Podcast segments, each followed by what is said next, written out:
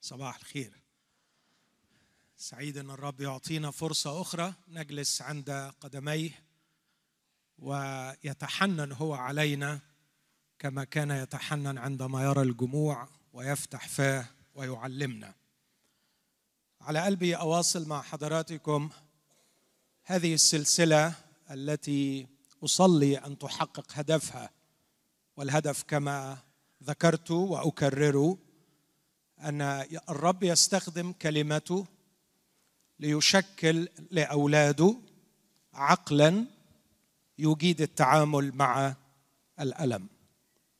كتير كررت وأحب أكرر تاني وأقول رد فعلنا تجاه الألم هيكون منتج طبيعي للعقل اللي بنفكر بيه. وشوق قلبي؟ إن الرب يدينا عقل مسيحي تشكل بحق الله يجيد التعامل مع الألم. حاولت أستخلص بعض الاستبصارات من كلمة الله من الله الخالق ومن قضية السقوط ثم وصلت إلى قضية سلطان الله اللي كنا بنرنم عنه.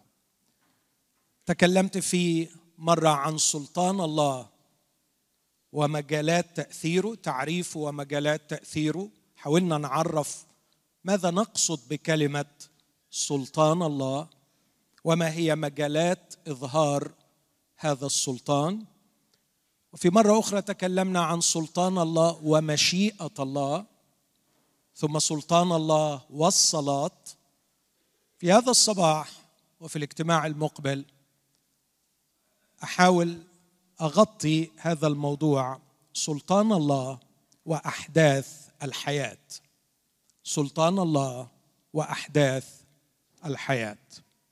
أحداث الحياة التي تحدث معنا التي تحدث فينا.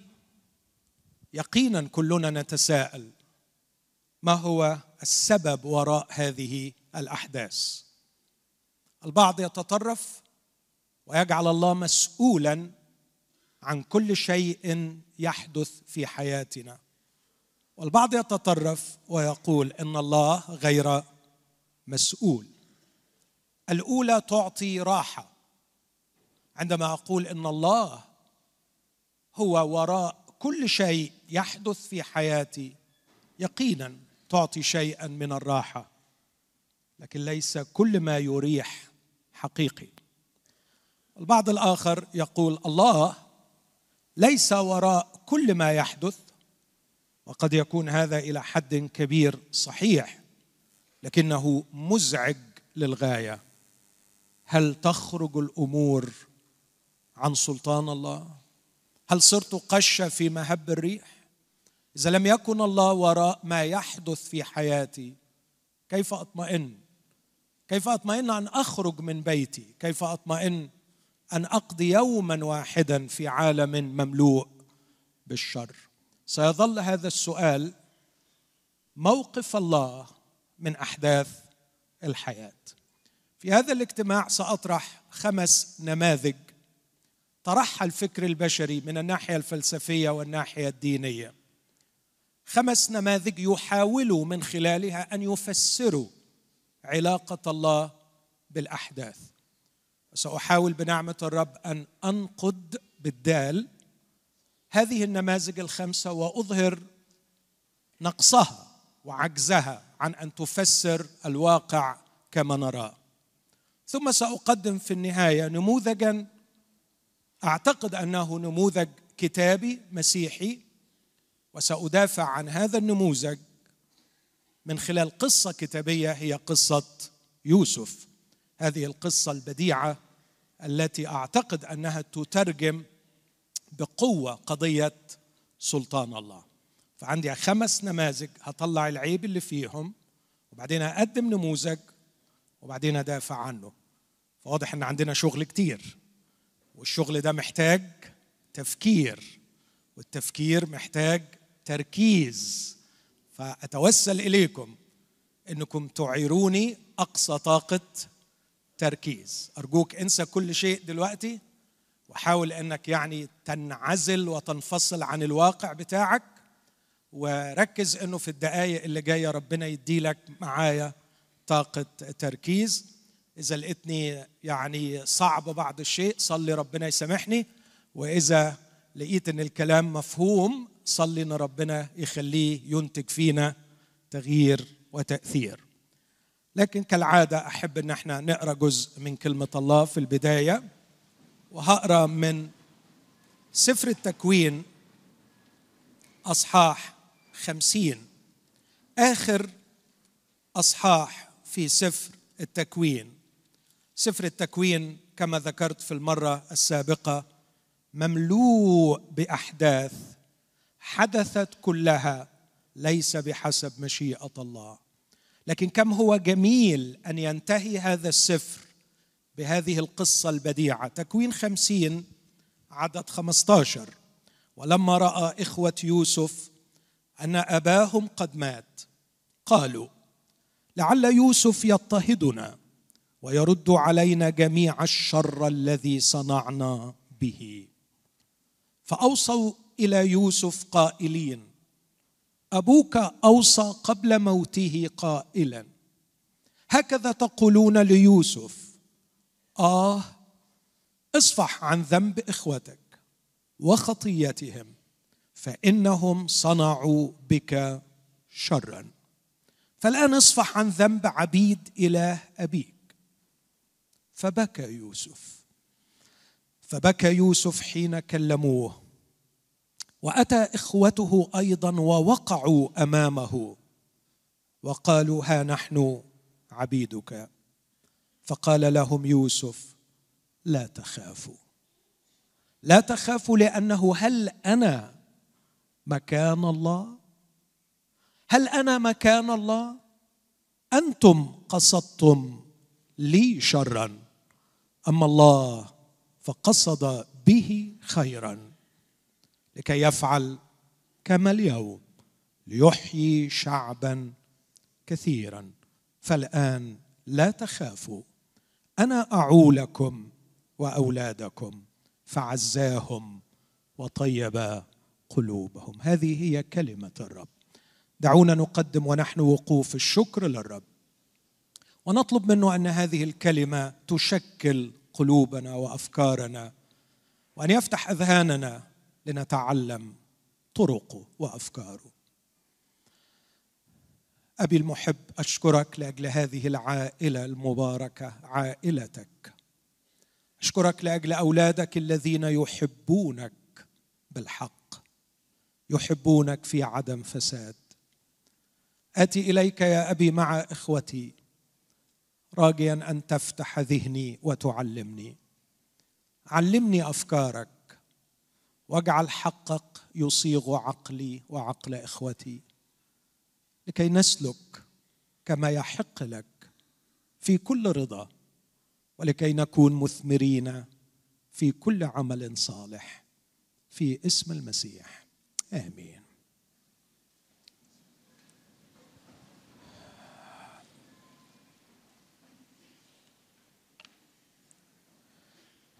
لأني سأناقش نماذج صاغها أفراد أصحاب عقول جبارة.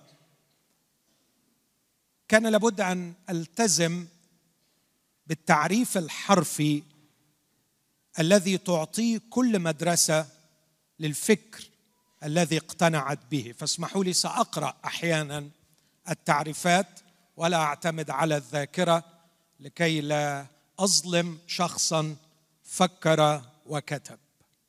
النموذج الأول الذي أود أن آه، أنقذه بالدال هو النموذج القدري. القدرية أو كما تسمى بالإنجليزية الفيتاليزم. وتعريف القدرية كما يصيغها من كتبوا فيها ما سيكون سيكون. حيث أن كل الماضي وكل المستقبل قد تم تقديره مسبقا من الله. أو أي كائن آخر كلي القدرة. ما سيكون؟ سيكون. لأن كل الماضي وكل المستقبل قد تم تقديره مسبقا من الله أو من كائن آخر كلي القدرة. ده التعريف الأكاديمي العلمي. للقدرية. أعتقد أن معظمنا يعرف تعبيرات شعبية عامية. أيضا صيغة فيها تمت فيها صياغة هذا الفكر القدري. اعفوني من إني أذكرها معظمكم عارفها. لكن أذكر واحد منهم بس ما يعمل لناش مشاكل. اللي مكتوب على الجبين هتشوفوا العين. مكتوب ومقدر. لازم هتشوف. وتجري جري الوحوش غير رزقك متحوش الرزق متقدر لك المرض متقدر لك المصيبة متقدرة لك الخير متقدر لك. الحادثة بتاعت العربية والسواق السكران المجنون اللي لها في الولد ده كان متقدر كل شيء مقدر ماضي أو مستقبل. الحقيقة لن أطيل في انتقاد هذا النموذج لكن أقول ببساطة شديدة إنه يجعل الله شخصا شريرا مسؤول عن الشر. فإذا كان الله يقدر لك أن تقتل فهو الذي يقدر لك أن تزني. إذا قدر الله لك أن تعمل حادثة بالسيارة فتقتل إنسان فهو أيضا الذي يقدر لمن اغتصب امرأة أن يغتصبها. وفي هذه الحالة يصبح الله كائنا شريرا. وكم سعدت. ما أعرفش بيبو كان عارف اللي أنا هوعظ فيه ولا ما يعرفش. كلك نور. قول معايا من فضلك العبارة دي دي عزتني قوي. كلك نور. هذا هو الخبر الذي سمعناه منه. أن الله نور وليس فيه ظلم البت. حاش للقدير من الشر. الله لا يرتكب اثما ولا يفعل ظلما. الله لا يمكن أن يكون وراء الشر وإلا لا يكون الها جديرا بالعبادة. إخوتي الأحباء كنت أفكر قبل الاجتماع ونحن نصلي كم يلذ لي أن أعبدك يا رب؟ وفكرت في هذه العبارة أن عبادتي لله لا تزيد الله شيئا. لا تزيد الله شيئا. لكن في الحقيقة عبادتي له ترجع إلي إنسانيتي. إن هذا الإله الجميل هذا الإله الصالح هذا الإله العظيم هذا الإله الذي كنا نغني له قائلين كلك نور لا يمكن أن يكون وراء الشر. اذا هذا النموذج من وجهة نظري الضعيفة مرفوض لأنه يجعل الله مسؤولا عن الشر. النموذج الثاني يسمى الحتمية الديترمينزم ديترمينزم والحتمية لها أشكال وألوان. الإلحاد يقبل بالحتمية البيولوجية. فكل ما يحدث في الحياة حتمه هذا التركيب الجيني وهذه التفاعلات المختلفة للذرات. فكل ما يحدث في الحياة حتمية وراءها التركيبه البيولوجية للإنسان. فهناك حتمية. وبالتالي ما يحدث من أفعال سواء خير أو شر هو في النهاية كان محتما أن يحدث. الهرمونات لعبت في جسمك الذرات دخلت وطلعت. في النهاية كان لازم تعمل القرار اللي أنت عملته. ريتشارد دوكنز صاحب كتاب وهم الإله وواحد من أشرس الملحدين الذين يقاومون الإيمان بالله أعتقد في العصر الأخير كله يقول من النهاية لا خير ولا شر. لا خطة لا صالح أو سيء لا يوجد شيء إلا أننا نرقص على نغمات اور دي ان إيه على نغمات الدي ان إيه دي ان إيه بتاعك بيعمل بيعمل فيك وبيعمل في الداعشي وبيعمل في أي واحد. فما تقدرش تقول إن في حاجة اسمها خير وحاجة اسمها شر لأنه كله قد حتمه ال DNA الحتمية البيولوجية. لكن هناك حتمية أخرى نادى بها ماركس وسماها الحتمية المجتمعية. فكل الأفعال تحتمها طريقة التربية في مجتمع معين. فسواء الماركسية أو الإلحاد حاليا الاثنين بينادوا بالحتمية. اسمعني أقول وغياب حرية الإرادة. لا توجد حرية إرادة وكلمة أن الإنسان كائن حر يعتبرونها وهم لأن البيولوجي أو المجتمعي هو الذي يحتم على الإنسان أن يفعل ما يفعله. أنت متدين لأنك اتولدت في أسرة متدينة. أنت قاتل لأن آبائك ربوك بطريقة تجعلك تكون قاتلا. أنت عدواني لأنه حصل وانت في بطن أمك حصلت مشكلة في الدي إن إيه فطلعت شخص عدواني. فكله محتم سواء بيولوجيا أو مجتمعيا. هذه هي النظرية أو بصيغه مختصرة الديترمينزم أو الحتمية. إلا أن هذه النظرية انقدها بأن أقول إذا كانت القدرية جعلت الله مسؤولا عن الشر فالحتمية تجعل الإنسان غير مسؤول مطلقا عن أي شر يرتكبه. وأعتقد ان كلنا نرفض هذا الأمر لأنك لو رفضت إن الإنسان مسؤول آه، عن شره الذي ارتكبه أعتقد إنه أصبح من السخف والسفه إن أقول لواحد إنه هو غلطان ليه؟ بناء على إيه؟ إزاي تجرؤ إنك تقول لواحد إن أنت غلطان ثم ما قيمة القضاء وما قيمة الشرطة؟ ولماذا يعني كل هذا الضجيج؟ ليه وجع الدماغ ده كله ونقول ده غلط وده صح؟ ما في النهاية كل واحد عمل اللي عمله غصبا عن لم يكن له إرادة لم يكن عنده اختيار آخر. إن كلمة حرية تعني أن هناك اختيارات هناك بدائل. لم أكن حرا لاختار هذا ما تحتم جيناتي هذا ما تحتم كيمياء جسمي فكان لابد أن أفعل هذا الفعل. أعتقد إن العالم يصبح مأساة حقيقية وأن الواقع يرفض تماما أن يكون الإنسان غير مسؤول عن أفعال. يعني بعد كده لما حد يزقك في الطابور ويدخل مكانك لا يحق لك إنك تقول له ما يصحش. يعني إيه ما يصحش؟ بناء عليه ما يصحش. اولا كان محتم إن أنا أعمل هذا العمل إن أنا أزقك وأنت كان محتم عليك برضو إنك أنت تطلع من الطابور وتسيب لي مكان كل دي أشياء محتمة. اذا القدرية تجعل الله مسؤولا عن الشر. الحتمية سواء البيولوجية أو المجتمعية تجعل الإنسان غير مسؤول عن الشر. وأعتقد إن هذا لا يليق بالإله وهذا إنقاص إنقاص من قدر الإنسان ومضاد للمنطق ومضاد للواقع. عكس الاثنين دول يأتي فكرة آخر ليه اسمه بالإنجليزية الفري ويل أو نظرية الإرادة الحرة. الناس دول بيروحوا العكس بيقولوا لا.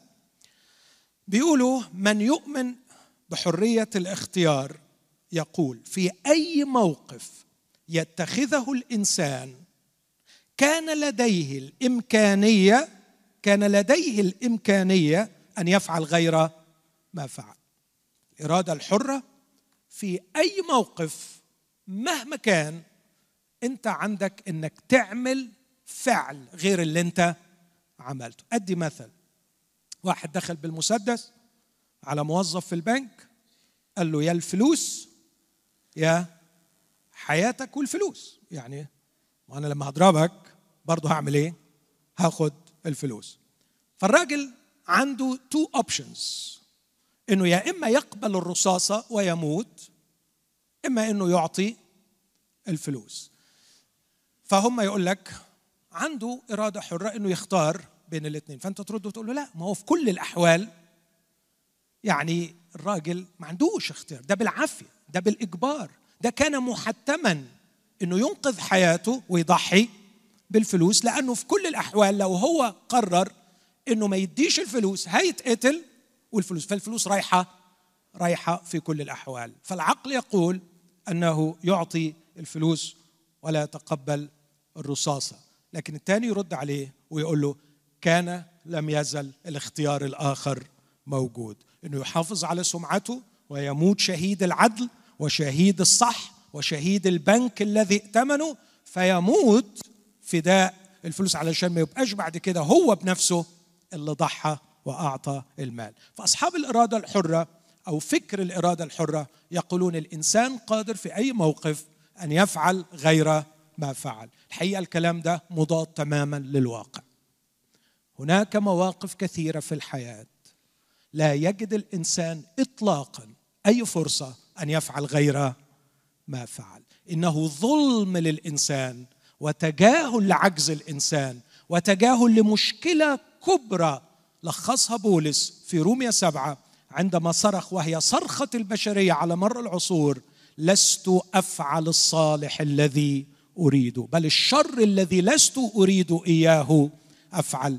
ويحي أنا الإنسان الشقي من ينقذني من جسد هذا الموت؟ أعتقد أن هذا الرأي على الرغم من وجاهته إلا أنه يتعارض مع الواقع يتجاهل عجز الإنسان يتجاهل ضعف الإنسان أنه في مواقف كثيرة جدا لا يستطيع أن يختار غير ما اختار في رأي كمان نمرة أربعة. الرأي ده سموه theistic determinism حتمية لكن حتمية إلهية. مش زي الجماعة الملحدين ولا الماركسيين يؤمنوا بوجود الله لكن في نفس الوقت يؤمنوا إنه الله موجود وبطريقة يقولون لا يقدر الشر لكن كل اللي حصل الله مسؤول عنه والله وراه. ليه بيقولوا كده؟ فكر معايا في الفكرة دي. بيقولوا نرفض الإرادة الحرة لأنها تتعارض مع علم الله المسبق. ركز معايا أنا طلبت التركيز. وعلى فكرة ده أصعب جزء في الوعظة دي. فيعني شايف بعضكم مخضوض وتعبان بس أطمنكم صدقوني هي خمس دقائق وهتعدي ومش هتحسوا بحاجة. يعني هت... تخافوش. فكر معايا في الفكرة دي. أنا. أعتقد إنها جات لدماغ ناس كتير منا. لو كان الإنسان حر هذا يتعارض مع علم الله المسبق. لأن الله كلي العلم ولأن علمه معصوم من الخطأ. فإذا كان في علم الله الكلي المعصوم من الخطأ إنك غدا سوف تفعل شيئا فمن المحتم أنك ستفعله إزاي؟ ربنا كلي العلم. ربنا علمه معصوم من الخطأ. فربنا في علمه الكلي المعصوم من الخطأ عارف امبارح كان عارف إنك أنت النهارده الصبح هتيجي كنيسة قصر الدبار. لو أنت ما جيتش هيطلع ربنا غلطان. إذا أنت ما كانش عندك اختيار إنك لا أنت لازم تيجي. ما ينفعش ما تجيش. لأنك لو ما جيتش هيطلع ربنا غلطان. صح ولا مش صح؟ أقول تاني ولا وضحت ربنا في علمه المسبق لاحظ دول مش قدريين مش بيقولوا ربنا قدر لا بيقولوا ربنا في إيه؟ ها؟ علمه المسبق. وإذا وافقتني إن علم الله كلي ومعصوم من الخطأ ربنا كان عارف إنك يوم الجمعة الصبح هتقوم هتغسل وشك ولا تاخد شاور وتيجي إلى كنيسة قصر الدبارة. فلو انت عملتها واخترت اختيار آخر لأنك صاحب إرادة حرة هتطلع ربنا ما كانش عارف صح وده مستحيل. بما إنه ربنا مستحيل يعرف حاجة غلط أو يكون علمه ناقص فأنت كان حتما هتيجي. شكلها جميل لكن الحقيقة غلط خالص.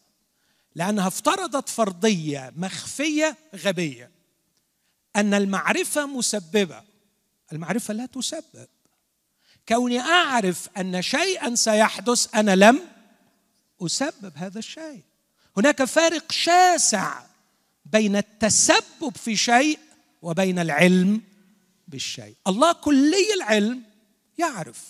ولو أنت ما كنتش جيت كان الله برضو عارف إن أنت مش هتيجي. حاول تتخيل كده إن ربنا طبعا افتراض خيالي تصوري بس عشان أسهل.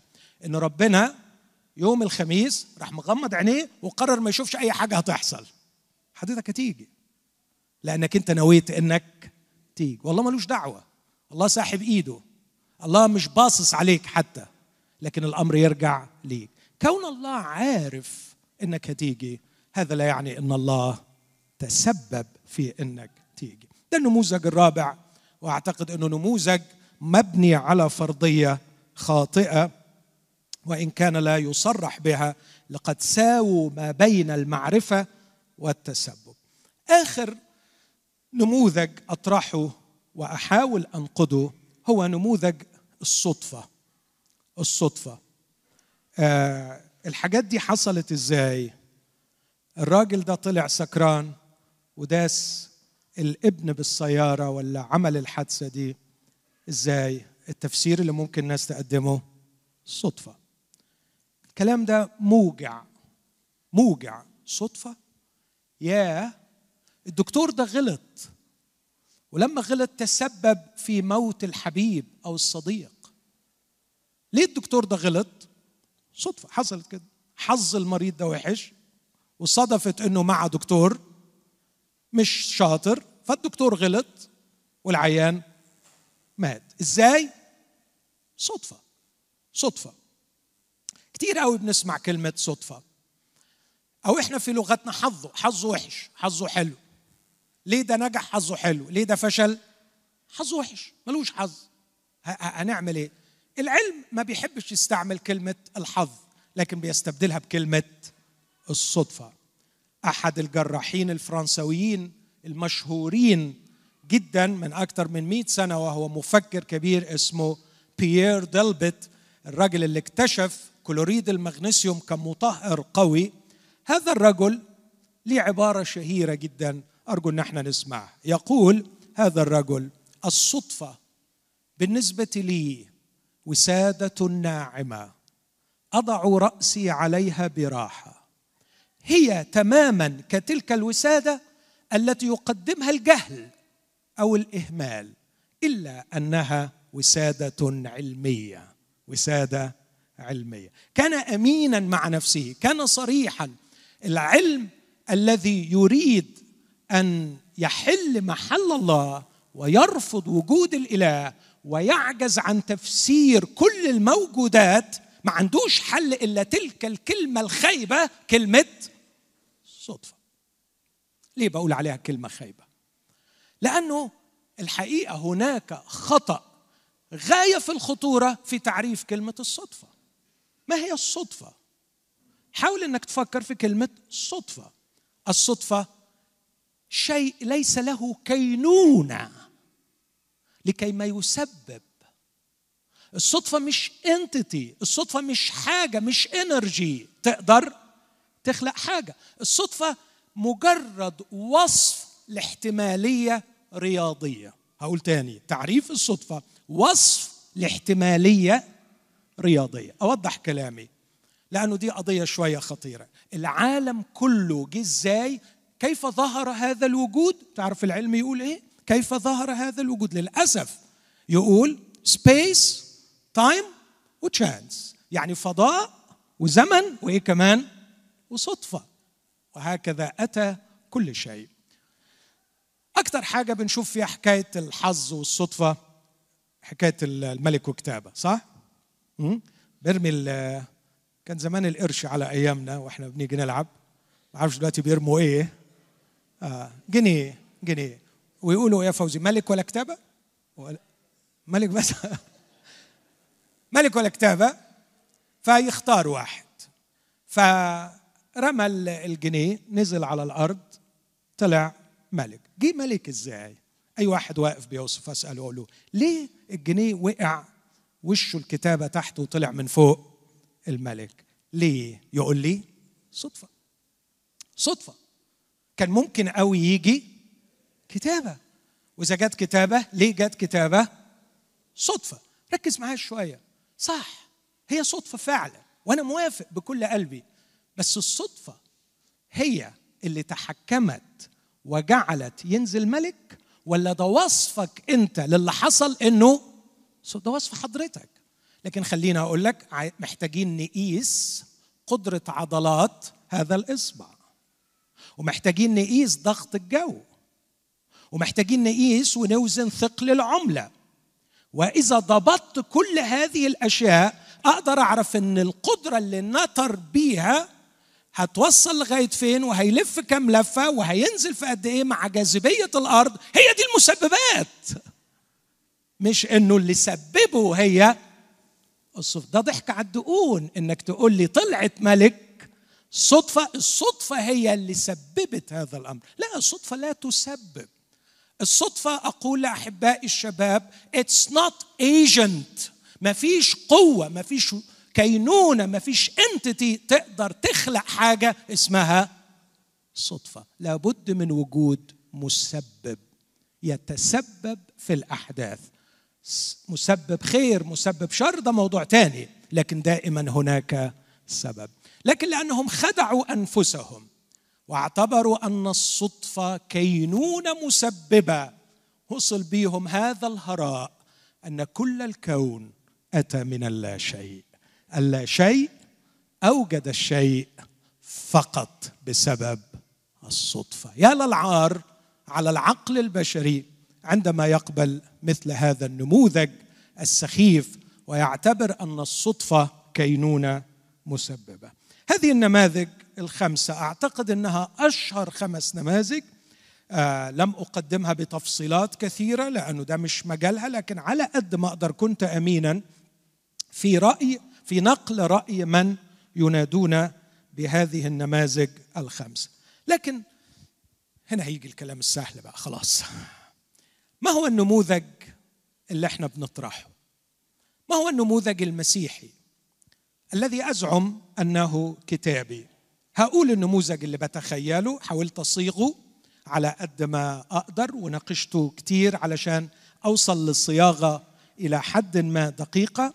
وبعد ما هقدم النموذج ده هحاول أدافع عنه في بقية الاجتماع من قصة يوسف. الحقيقة في قصص كتيرة قوي أقدر أدافع عن هذا النموذج من خلالها لكن هكتفي بقصة يوسف. اسمعوا النموذج اللي بقترح بقول في تصميم هذه الحياة جعل الله للظروف سلطانا علينا لتحدد مسارات حياتنا.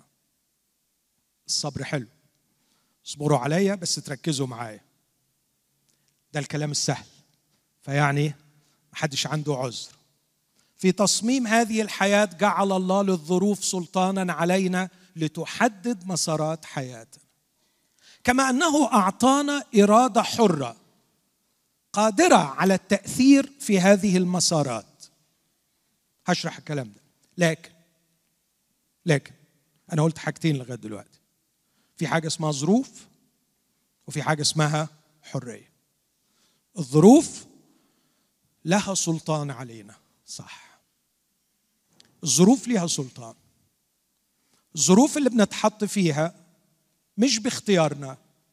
كتير بتحدد مسارات حياتنا. خلينا أشرح من دلوقتي علشان الكلام يبقى سهل علينا. أنا ما اخترتش أتولد في العيلة دي. أنا ما اخترتش أتولد في المنطقة دي. أنا ما اخترتش أتكلم اللغة دي.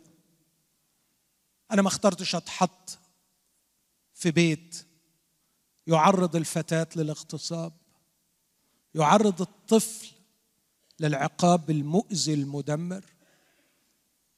الظروف ليس لنا اختيار فيها لكن الأخطر أن الظروف هي التي رسمت مسارات الحياة. دي حقيقة. تقدرش تقول ابدا أن فلان انتهى به الأمر للسجن لأنه ربنا اللي رسم له السكة دي. لكن الظروف اللي اتحط فيها خليته يتولد في بيت حرامي يعرف إن السرقة ما هياش حاجة غلط وممكن يمتهنها كمنهج للعيشة وتكون النتيجة في النهاية إنه يدخل إلى السجن. الظروف لها سلطان تحدد مسارات الحياة هذا واقع لا يمكن أن نرفضه. لكن في نفس الوقت الواقع يقول أن كل إنسان في قلب الظروف له إرادة حرة يستطيع أن يستعملها ليؤثر ويغير في هذه الظروف. وممكن أدافع عن الكلام ده من المنطق من الواقع. ياما شفنا ناس اتحطوا في ظروف قاسية جدا وجهتهم في اتجاه معين لكن في لحظة ما في وقت ما استطاع أن يستعمل حريته لكي يغير هذا المسار. الظروف جعلتك تولد في بيت مسيحي. وعشان كده أنت بقيت مسيحي. لكن في وقت من الأوقات أنت استعملت إرادتك الحرة وغيرت تفكيرك وبقيت ملحد مثلا. أو أي شخص في ديانة أخرى بوذي مثلا.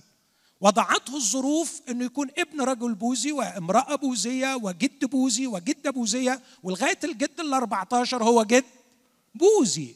لكن في وقت من الأوقات استعمل إرادته الحرة أن يعيد فحص كل شيء ويفكر في كل شيء ويراجع ما هو مع الكومن سنس مع المنطق مع العقل مع الأخلاق مع الواقع وقرر أن يغير من الديانة البوذية. اذا الإرادة الحرة موجودة ويستطيع الإنسان أن يستعملها ليؤثر على الأقل يؤثر في مسارات الحياة. اذا أنا أزعم على قد فهمي من كلمة الله أن الله أعطى الظروف سلطانا علينا وأن الله أعطى الإنسان إرادة حرة. لكن اللي جاي مهم يبقى يبقى أن الظروف والحرية ونواتجهم العشوائية تقبع بالتمام تحت سلطان الله. لا يمكن أن الظروف هذا ما كتبته لا يمكن للظروف مهما قست أن تمنع الله من إتمام مقاصده. ولا يمكن للحرية مهما سمت أن تكون على حساب حرية الله في إتمام مقاصده ولا يمكن للنتائج العشوائية مهما قبحت أن تستعصي على الله في جعلها جزءا من خطته المتقنة وشريكة في صنع جمال لوحته. فكر في الظروف مهما قست. فكر في الحرية مهما سمت. فكر في النواتج العشوائية مهما قبحت. الكل في النهاية تحت سلطان الله. لا يمكن للظروف أن تحد قدرة الله في أن يصنع الخير بك أو تستطيع أن تمنع بركة الله لك. ولا يمكن للحرية مهما سمت أن تكون على حساب حرية الله في أن يفعل ما يشاء. يعني أتخيل واحد سكران بيستعمل حريته في إنه يقود سيارته وهو مخمور وراح خابط إنسان أعتقد إن الله ممكن يتدخل ويستعمل حريته ويبعت ملاكه ويعمل إيه؟ ها؟ أه؟ ويشيل الإنسان ده. هل ربنا ألغى حرية السواق المجنون ده؟ لا ما ألغاش حرية. هل الله عطل العربية؟ لا ما عطل هو بيسوق وما منعوش من السكر وما منعوش إنه يسوق وهو سكران لكن الله استعمل حريته إنه يبعت ملاك من خدامينه وقال له روح اخطف الواد ده من قدام العربية. يبقى في النهاية اللي قتل الولد ربنا لو كان الولد مات لا ربنا ما قتلش الولد. اللي قتله لو كان الولد مات اللي قتله السواق السكران. لكن من الناحية الثانية هل كان ربنا موجود ولا مش موجود؟ كان يقدر يمنع ولا ما يقدرش؟ كان يقدر يستعمل حريته ويمنع. وكونه لم يمنع يجعلني أؤمن أن الله صاحب سلطان له فكر وله حكمة ولا يوجد قصد واحد لله تعطل بسبب هذه الحادث.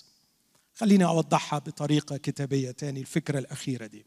لا يمكن أن تكون حرية الإنسان على حساب حرية الله. مش عشان البشر أحرار ربنا يقول يعني غصب عني كان نفسي أعمل بس ما أقدرش أسلبهم حريتهم فهم عملوا يبقى أنا مش هقدر أعمل. ما ينفعش ما ينفعش. القصة الشهيره في سفر الأعمال أصحاح 12 أخذ هيرودس يعقوب وقطع رأسه. يا هيرودس مسؤول عن الشر ده ولا مش مسؤول؟ مسؤول. وهيدفع حسابه ولا مش هيدفع؟ هيدفع حسابه. بس يا حرام ربنا هنا اتغلب. ربنا كان عنده 12 تلميذ.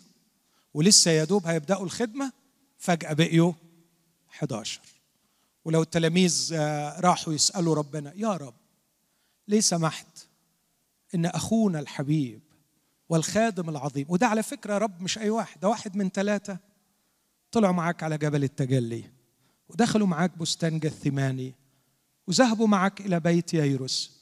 ده واحد من الشهود العظماء بأعمالك وقيامتك ومجدك. ليه يا رب؟ يعقوب اتقطعت رأسه. فيرد عليهم الرب ويقول لهم حبايبي أنا متأسف جدا. أنا موجوع زيكم. أنا ما كانش نفسي يموت بس منه لله هيرودس مفتري وقرر إنه يذبحه وأنا ما قدرتش أسحب منه حرية إرادته. فمعلش أنا آسف جدا. غصبا عني. الحقيقة كان نفسي إنه يفضل ويخدم بس أهو يعني طب هنعمل إيه؟ الظروف حطت يعقوب في سكته والراجل المفتري ده استعمل حرية إرادته فإحنا في الموقف الصعب اللي إحنا فيه ده وما عندناش حيلة ولا ينفع الكلام الفارغ اللي أنا بقوله ده؟ ده كلام فارغ اللي أنا بقوله ده على فكرة أو حد يكون صدقني ها؟ التخيل اللي أنا تخيلته عن ربنا ده من فضلك من فضلك انتبه ده كلام لا أسمع أعلى شوية ده كلام أيوه كده. الله يطمنكم. ما ينفعش ربنا يقول كده. طب إزاي ربنا يبرهن إن ده كلام فارغ؟ ويأكد لي إن أنا التخيل اللي تخيلته ده كلام فارغ؟ الحادثة اللي بعديها. فرأى هيرودس إن استعمال إرادته الحرة في إنه يدبح في تلاميذ المسيح أمر يرضي اليهود. فقال لك دي لعبة حلوة. مين عندكم أكبر من يعقوب شويتين؟ بطرس. قال لهم هاتوا الكبير بتاعهم. راح واخد بطرس وحطه في السجن. وقال لك المرة دي بقى استعمل إرادتي الحرة علشان امن نفسي وأضمنها 100% حرسه بين أربعة ارابع من العسكر. يعني أدي 16 عسكري. وعسكريين مربوط فيهم بسلسلتين يعني بقيوا كام دلوقتي؟ 18 عسكري حارسين الغلبان اللي اسمه بطرس. وبعدين حطوا في السجن حطوا في السجن الداخلي في كذا باب حديد بينه وبين الشارع. ما ينفعش. هتخيل تخيل تاني بس مش كلام فارغ. بطرس ماشي معاهم. على فين يا جماعة؟ على المذبحة حبيبي. لا العبوا غيرها. يعني إيه العبوا غيرها؟ هيرودس هيقطع راسك. ولا هيرودس ولا أجدع من هيرودس. مش هتتقطع راسي. بصوا لبعض يا حرام الراجل بعد يعني اتجنن. الراجل من الصدمة بتاعت يعقوب ومن صدمة العساكر واللي بيعملوه العساكر المفتريين مخه فلت. فبيقول لك مش هيحصل حاجة. حبيبي زميلك من يومين اتذبح. وانت اهو جايبك وهيذبحك. بص لهم بابتسامة شديدة العبوا غيرها. ودخل. وأول ما دخل في السجن راح خلع ال shoes بتاعه زي ما بيعمل في بيتهم كأنه رايح بيتهم واداها نوم. بطرس نايم ونايم نوم عميق. هتخيل نفسي قربت له. يا رسول المسيح المبجل أراك نائما في وضع مخيف. الناس دول هيقتلوك. القرار صدر بقتلك. وأخوك المحبوب من يومين اتذبح قبلك. قال بس أنا مش هتذبح ولا هموت. ليه يا بطرس؟ قال لي أنت ناسي؟ الترنيمة اللي رنمها بيبو. كلامك سنين وأجيال مش هيزول. وأنا معاه في آخر يوم قال لي يا بطرس متى شخت؟ فأنا يا حبيب قلبي مش هموت إلا لما أشيخ. هيرودس يلعب لعبته على روحه. هيرودس يحلم زي ما هو عايز ويخطط زي ما هو عايز ويقول اللي هو عايزه. يا حبيبي الكلام اللي بيمشي في الآخر مش كلام هيرودس كلام الملوك كلام ملك الملوك ورب الأرباب. أنا مش هموت. والحقيقة كان مقتنع جدا بالحكاية دي لدرجة إنه طلعت عنده كمية اندورفنس رهيبة من كتر الأمان وخد بعضه ونام. ونام نوم عميق لدرجة إن ربنا لما ابتدى بقى هنا بقى هل ربنا شل إيد هيرودس؟ هل ربنا خرس هيرودس؟ هل ربنا جنن هيرودس؟ فقال أنا برجع في كلام لا لا لا لا خلي هيرودس يخطط خلي هيرودس يستعمل إرادته الحرة خلي هيرودس يعمل اللي بده فيه يركب أعلى ما في خيله. بس السؤال هل من حق ربنا يركب خيله برضه ولا مش من حقه؟ من حقه. لا يمكن أن تكون حرية المخلوق على حساب حرية الخالق. والخالق لأنه عظيم مش محتاج يسلب المخلوق حريته علشان يعمل اللي نفسه فيه. لا اعمل حريتك واركب اعلى مفخلك وأنا هتصرف من غير ما امسك ومن غير ما أجي جنبك. ونشوف مين اللي كلامه يمشي. بعت ملاك. قال له روح طلعه. دخل الملاك محدش يشوفه. وصل الملاك. تعرفوا المشكلة الوحيدة اللي قابلت الملاك هي إيه؟ بطرس مش عايز يصحى. تخيلوا؟ من كتر النوم العميق مش عايز السلاسل تقع الأبواب تتفتح كل حاجة ماشية زي الحلاوة مفيش أي مشكلة. المشكلة الوحيدة بطرس مش عايز فاضطر الملاك يعمل حاجة مش لطيفة. زغده بطرس مش للدرجة دي. يعني حلو إنك تثق في سلطان الله. بس اصحى معايا شوية الله يطول عمرك. علشان نخلص الموضوع ده أنا عايز أرجع تاني. صحاه قومه. قام بطرس نعسان على فين؟ قوم بس معايا دلوقتي هتسال على فين؟ يلا بينا. أنت ماوح طول عمرك. قوم يا أخي. يلا بينا. أول ما وصلوا عند الباب الحديد انفتح لهم من تلقاء ذاته. آه يا أحبائي كم تأسرني هذه الكلمة؟ وتجعلني أسجد على ركبتي وأقول لا يوجد ملوكيول لا يوجد جزيء في الحديد. أو في الكون أو في أي مكان يستعصي على أمرك. يا خالق كل شيء لم يزل كل جزيء وكل ذرة في جسد الإنسان في عقل الإنسان في كل شيء في هذا الوجود تحت سلطانك. أنا ما أعرفش عمل إيه في ال molecules بتاعت باب الحديد لعب فيها ما لعبش هو اتكلم بس. ال molecules كلها ابتدت تعمل إيه؟ تتحرك.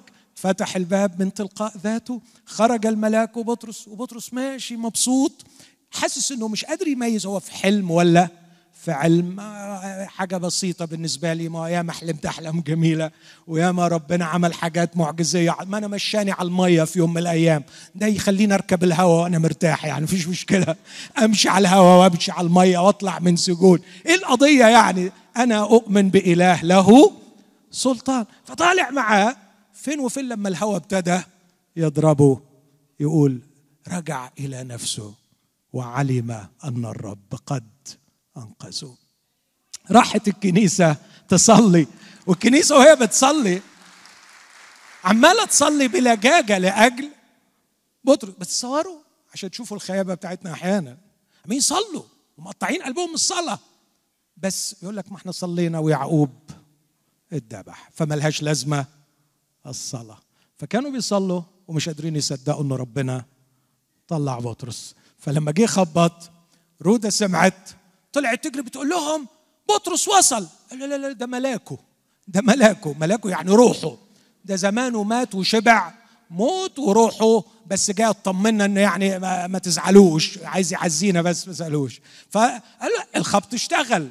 فراحت فتحوا فوجدوا بالحقيقة أنه بطرس. بطرس يقول إن الرب قد أنقذني من يد هيرودس ومن انتظار كل اليهود. لم يزل الله صاحب سلطان.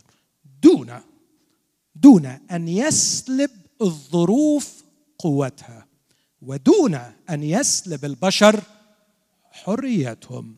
لازال الله أعظم من الظروف ولا زال الله له حرية يستطيع أن يستعملها ولا يمكن أن تكون حرية المخلوق على حساب حرية الخالق. بس الأصحاح ما انتهاش عند القصة دي. في حكاية ثالثه في الأصحاح في غاية الأهمية. وقف هيرودس ويبدو إنه حب. طبعا تعرفوا عمل إيه المفتري ده؟ لما راح الصبح يبعت عشان يقطعوا رقبة بطرس ما لقوش راح مموت العساكر كلهم. راجل مفتري. لكن واضح إنه هو حس إنه اتغلب. من ربنا. وأنا عايز أقول لكل هيرودس أنت مش قده. وآخرتك معروفة. في الآخر يا حضرة هيرودس هتتغلب. هتتغلب هتتغلب. وأحسن حاجة إنك لا تقف أمام الله. لا تقف أمام الله.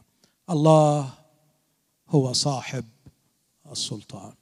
فراح لبس الحلة الملوكية عشان يعوض الخيبة بتاعته والامتحان اللي سقط فيه والفشل.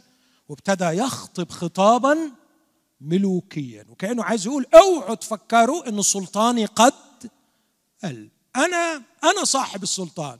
والحقيقة للأسف شديد كل هيرودس ليه الناس اللي هم يطبلوا له. فاللي قاعدين حواليه كلهم راحوا قالوا إيه؟ تصوروا الجنان قالوا هذا صوت إله لا صوت إنسان. وفيرودس اتبسط قوي بالكلام ده. واضح إن الحكاية قديمة جدا وإنه الدنيا فعلا التاريخ يعني ما بيتغير. هذا صوت إله لا صوت إنسان. فسعد جدا هيرودس بهذا المدح. لكن اللي حصل ساعتها ربنا استعمل حريته. هنا بيستعمل حريته كالقاضي الديان العادل. وده سؤال أطرحه على العقول. هل من حق الله في وقت من الأوقات أن يمارس سلطانه كالقاضي والديان العادل ولا أنتوا عايزينها بلا قضاء عادل؟ طب هيبقى ما فيش قضاء عادل في الأرض. وكمان ما فيش قضاء عادل في السماء نروح نموت. دي تبقى مأساة. إيمانويل كانت ما كانش بيؤمن بوجود الله لكن للأسف الشديد على الرغم من كده عمل نظرية خايبة قال إنه حتى لو ما فيش الله لازم نتصرف كأنه في الله علشان العدل علشان يبقى في قضاء بعد الموت عشان يبقى في إنصاف للمظلوم فالحضارة تستمر. لأنه لو ما قلناش إن في حد هيقضي فيما بعد لا قيام للحضارة الإنسانية. لابد أن يكون هناك قاضي عادل حتى بالمنطق. هذا الإله من حقه إنه يقضي. فاستعمل سلطانه إنه هو يقضي. فضرب هيرودس. الكتاب يقول كلمة غريبة. كل البشر يموتوا ويأكلهم الدود. الراجل ده بقى ربنا عمل له حاجة تانية. يأكلوا الدود وبعدين يموت. ويتفرجوا عليه وهو الدود بيأكله. لكي يقر الجميع أن الله صاحب سلطان. أنا المفروض أخلص بسرعة. هذا هو النموذج الذي أطرحه والذي أعتقد أنه يحل الأحجية ويتفق مع كلمة الله. هل الظروف قدرية محتمة؟ كلا. لكن الله أعطاها سلطان أن تحدد مسارات الحياة. هل الإنسان له حرية أن يغير ويؤثر في مسارات الحياة؟ نعم. هل هذه الحرية مطلقة؟ كلا. لا يمكن أن تكون حريته على حساب حرية الله. لكن الظروف والحرية دائما لهم نواتجهم العشوائية. فهل العشوائية الناتجة عن الظروف وعن إساءة استعمال الحرية من الممكن بسبب قبحها أن تفسد خطة الله في حياتنا؟ الحقيقة كلا.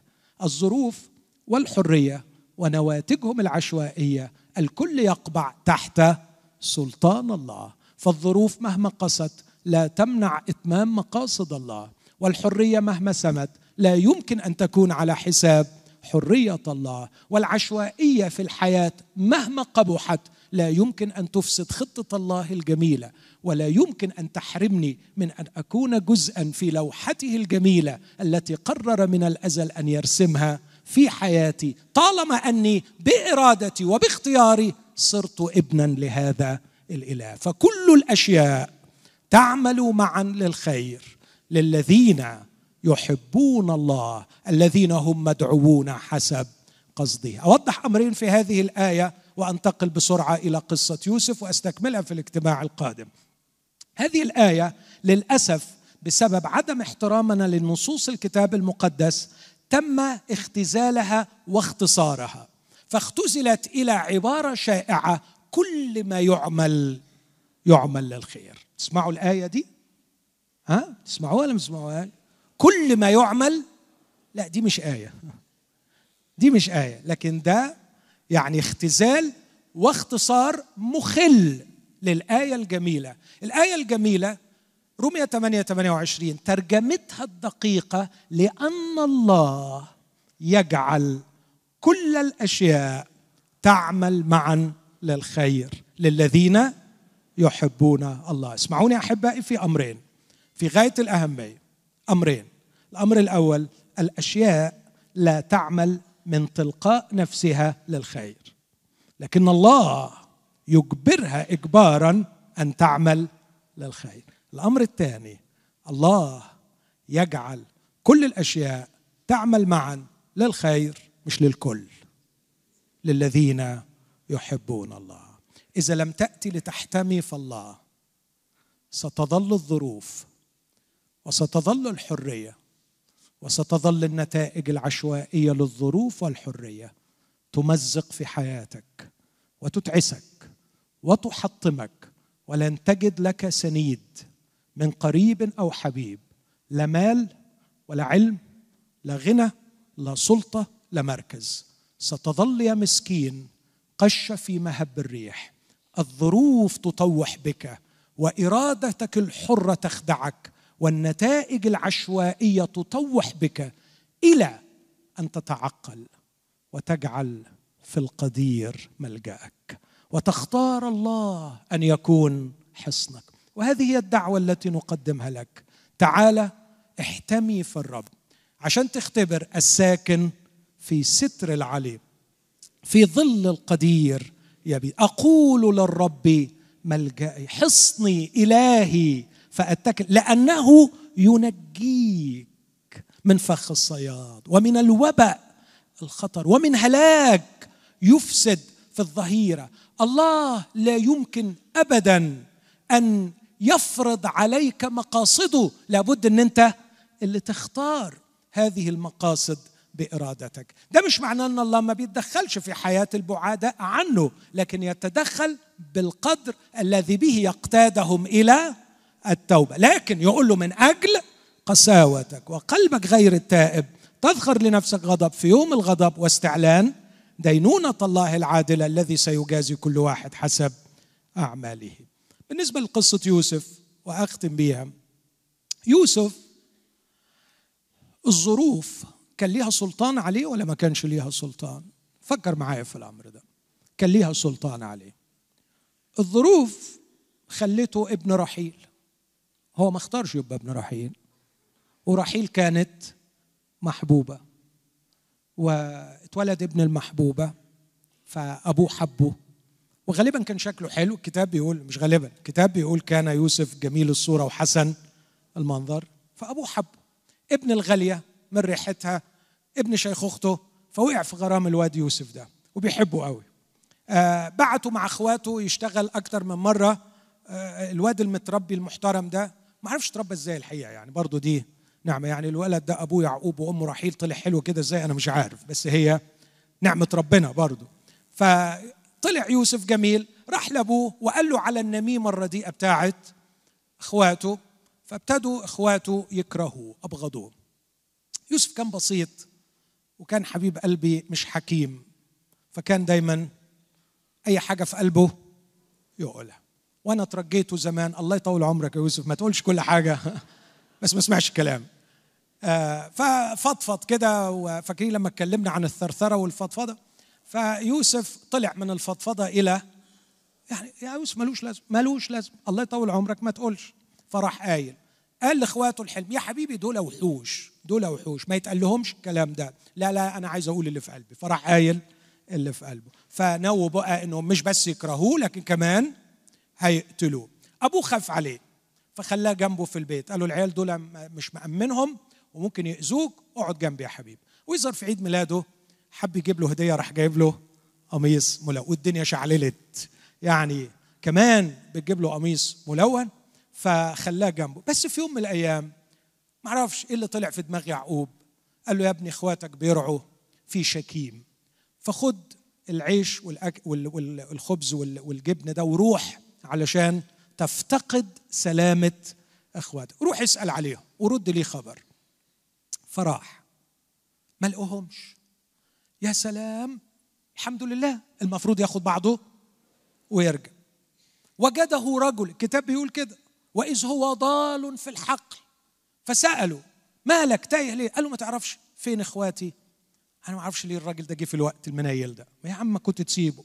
كنت تسيبه يرجع قال له دول أنا سمعتهم يعني تخيل لو ما كانش سمع يعني كان ممكن يكون موجود كان ممكن يوسف يتوه وما يوصلش ولو ما كانش وصل كانش اترمى في البير اكمل الحكاية لو ما كانش اترمى في البير ما كانش يتباع للاسماعيليين لو ما كانش يتباع للاسماعيليين ما كانش نزل مصر لو ما نزلش مصر ما كانش راح عند فوتيفار لو ما راحش عند فوتيفار ما كانش راح السجن لو ما راحش على السجن ما كانش هيروح لفرعون لو ما راحش لفرعون ما كانش الحلم هيتفسر. لو ما كانش الحلم اتفسر ما كانش هيبقى فيه قمح في مصر. لو ما كانش فيه قمح في مصر ما كانش بني إسرائيل جم إلى أرض مصر. لو ما كانوش بني إسرائيل جم إلى مصر ما كانش يبقى فيه موسى. لو ما فيش موسى ما فيش خروج. لو ما فيش خروج ما فيش خروف الفصح. لو ما فيش خروج وخروف الفصح ودخول كنعان ما فيش المسيح.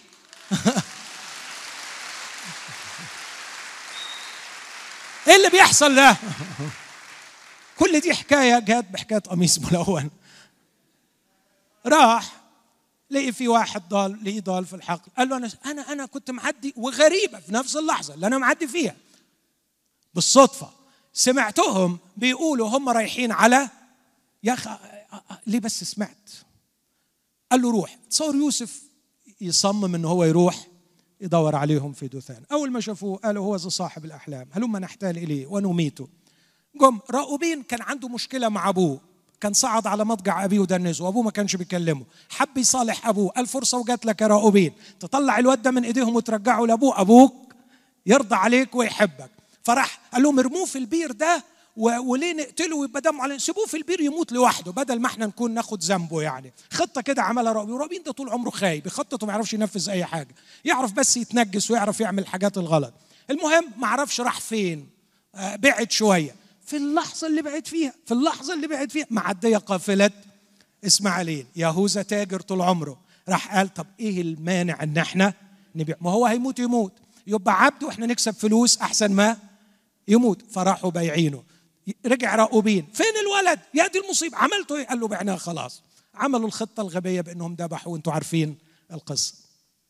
ونزل يوسف وبيع يوسف عبدا. الظروف اجتمعت بشكل غريب بشكل غريب أوصلت يوسف إلى أن يكون عبدا. إخوتي الأحباء كتاب بيقول إن يوسف لما اترمى في البير بكى واسترحمه. يهوذا فاكر المنظر ده. ولما يوسف ضيق عليهم في الآخر وزنقهم قال لهم دم الولد بيطلب منا عندما بكى واسترحم. كان عمال يبكي يوسف ويقول لهم طلعوني. ولا أستبعد أنه بكى إلى الله. والله لم يسمع. كم كانت اللحظة قاسية. عندما اجتمعت كل الأفكار السوداء على عقله. يا رب تركتني للظروف.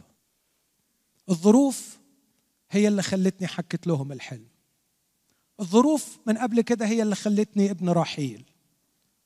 المحبوبة اللي أتحب أكتر منهم الظروف هي اللي خلتني حلمت وحك بغبائي حكيت الحلم. الظروف هي اللي خلت أبويا في اللحظة دي في اليوم الأسود ده يبعتني أسأل عليهم. الظروف هي اللي خلتني قابلت الراجل الفقري ده اللي خلاني أعرف مكان. يا ريتني ما كنت قابلته ولا كنت عرفت وكنت رجعت رجعت تاني لحضن أبويا. الظروف هي اللي خلت راؤوبين يمشي في نفس اللحظة اللي جمال الإسماعيليين توصل. أنا ضحية الظروف. أنا ضحية الظروف. كانت هذه أفكاره وهو في البيت أنا ضحية الظروف. الظروف هي اللي خلتني أتباع عبد. يا رب أين أنت وسلطانك؟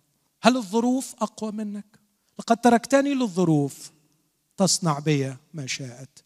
إخوتي الاحباء أجزم من الجانب الآخر أن قلب الله الأبوي كان يتمزق على ابنه الحبيب وهو يراه ضحية الظروف. يقول له ابني حبيبي لقد أعطيت حرية الإرادة للبشر وهذا هو العالم الذي نتج عن الحرية وفي هذا العالم في تصميمي أعطيت الظروف سلطانا وأعطيت الظروف أن تحدد المسارات بس ما أعرفش إذا كان سمع دي من الله. احتمال كبير سمعها.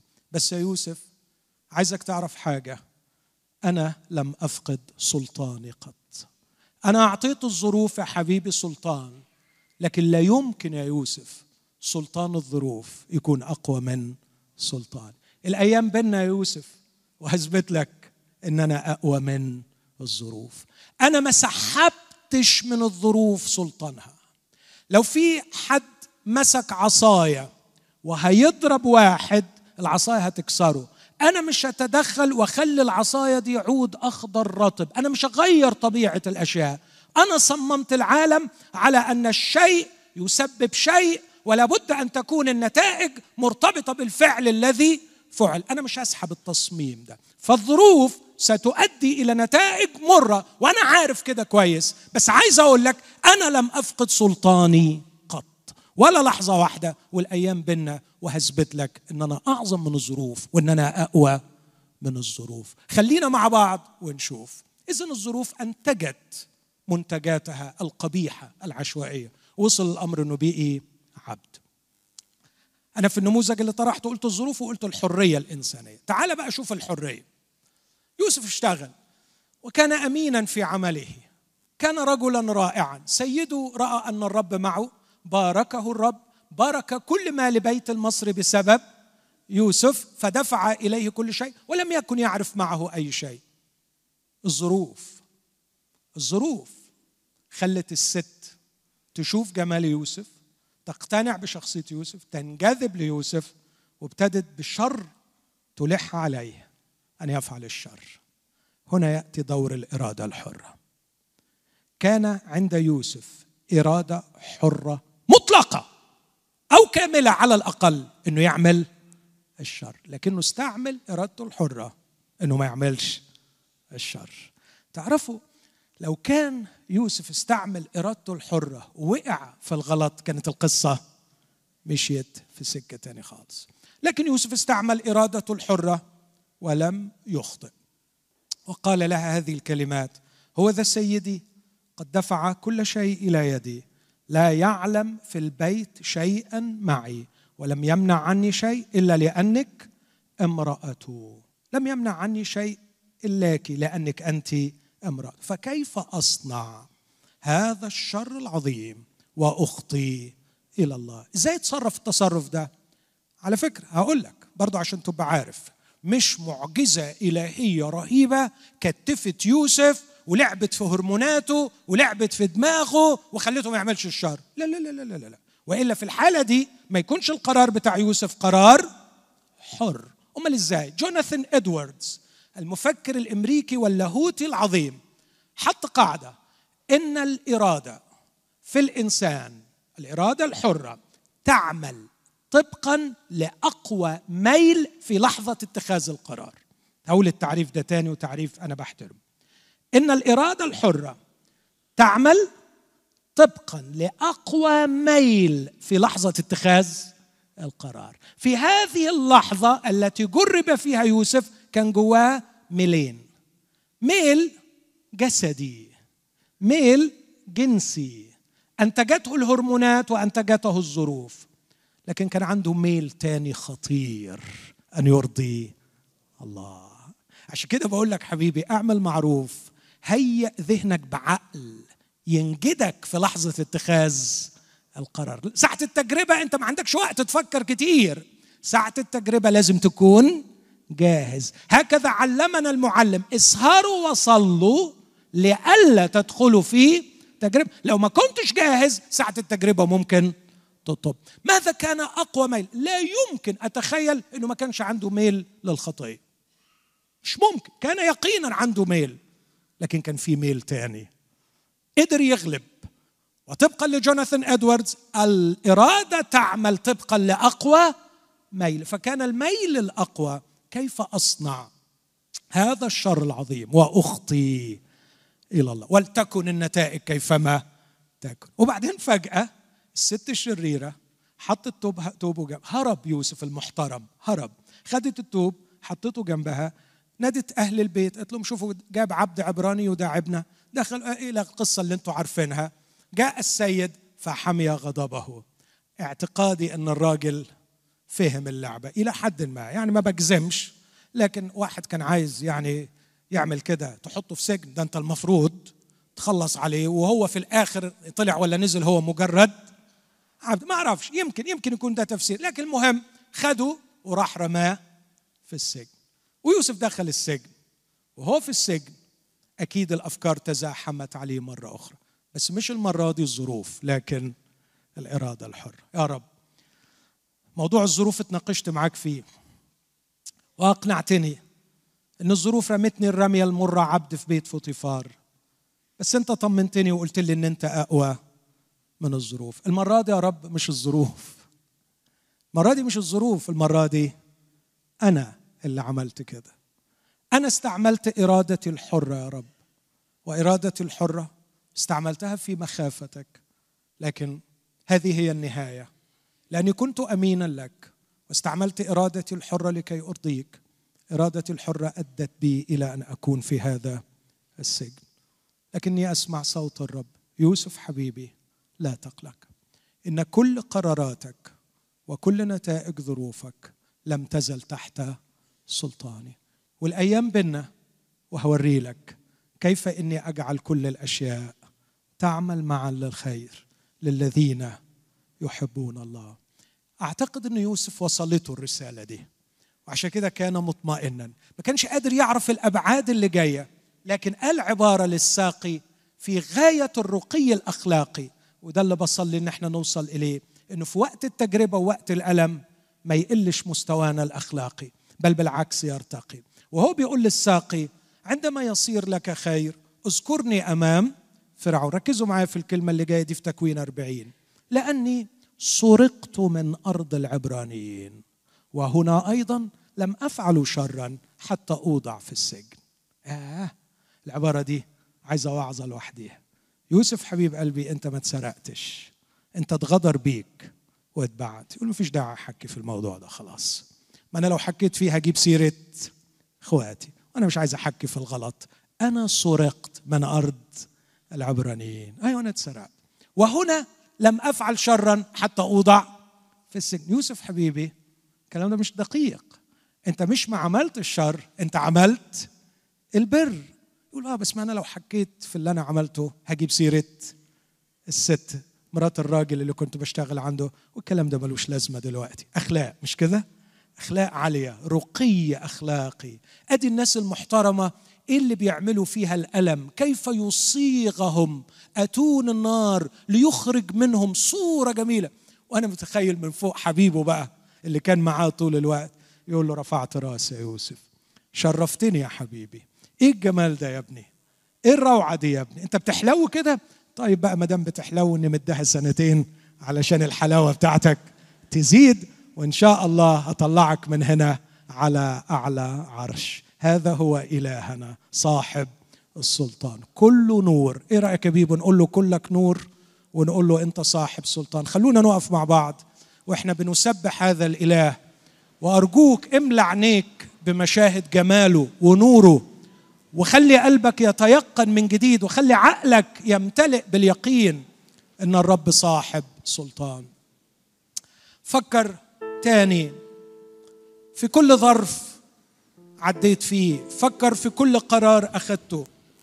فكر في كل نتائج عشوائية مريت بيها. حاول تشوفها حقل ألغام. حاول تشوفها عشوائية وفوضى.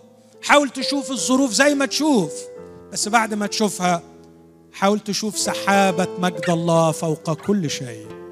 وسلطان الله على كل شيء. وقول له أنا مؤمن ليك سلطان. ومصدق إن قلبك كله نور. ما فيكش حتة واحدة وحشة. كلك نور. وإنت صاحب سلطان. أنا نفسي الرب يفرح النهارده بتسبيح طالع من القلب نابع عن اقتناع مش مجرد كلام مش تأثير المزيكا الحلوة ولا تأثير تواجدنا مع بعض لكن قناعة عميقة وأنا بقول له يا رب كلك نور وأنا مؤمن إن ليك سلطان.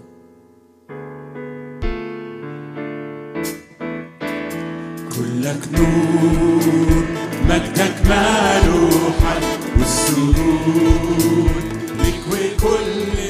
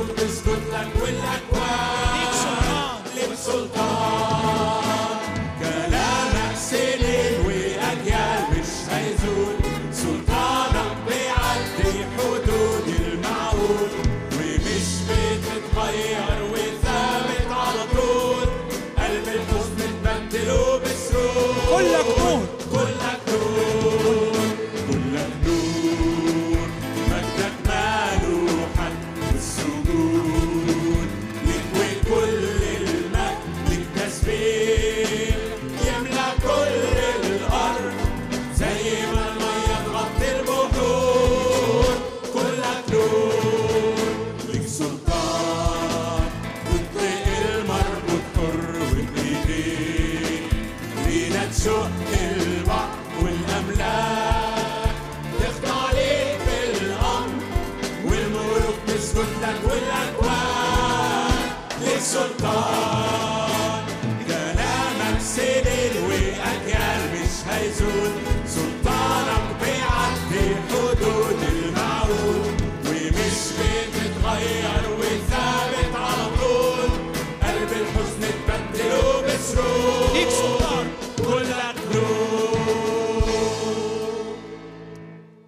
هذه اللحظات الرب مستني يسمع مننا كلمات معينة. قل له أنا مؤمن. مؤمن إني ورثت الجين اللي بيجيب سرطان لكن مؤمن إن السرطان تحت سلطانك يا رب. مؤمن مؤمن مؤمن مؤمن كل الإيمان. حاشا ليك يا إلهي أن تترك الجينات تحدد مصيري. أعطيتها سلطان أن تحدد المسارات لكن حاشا ليك تسيبها تحدد مصيري. مصيري في إيدك يا صاحب السلطان. أنت اديت الظروف سلطان ترميني في الشغلانة الصعبة اللي أنا فيها وترميني في الظرف الصعب اللي أنا فيه. لكن عمرك ما بتفقد السلطان على نتائج الظروف وعمايل الظروف فيا. أنا مصدق بكل قلبي إنك تجعل كل الأشياء كل الظروف كل الإنتاج اللي أنتجته الظروف تجعل كل الأشياء تعمل معا لخيري مش هسيب سحابة سودة تحجب جمالك عن عينيا ولا تخليني أشوفك ضعيف في وقت الصعب ولا يمكن أصدق فكرة شيطانية إنك أضعف من الظروف أو أضعف من السلطات أو أضعف من الناس أو أضعف من المرض. أنا هفضل مصدق بكل ذرة في كياني أنك على العرش تجلس تسيطر صوتك يملى الكون. أنا هو الأول والآخر البداية والنهاية. لي مفاتيح الهاوية والموت دفع إلي كل سلطان في السماء وعلى الأرض. مؤمن بيك وشايفك من جوة كلك نور وفي إيديك كل السلطان. أغمس راسي في حضنك أيها النور وأطمئن لا أخاف. أنت نوري وأنت خلاصي. ممن أخاف. أطمئن عندما تضع يدك علي وتضمني لصدرك لأني أؤمن أن هذه اليد التي تضمني هي التي تدير الكون هي التي تسيطر على كل شيء. أنت أنت نوري. أنت خلاصي كلامك سنين وأجيال مش هيزول. سلطانك بيعدي حدود المعقول. ومش بتتغير وثابت على طول. قلب الحزن تبدله بسرور.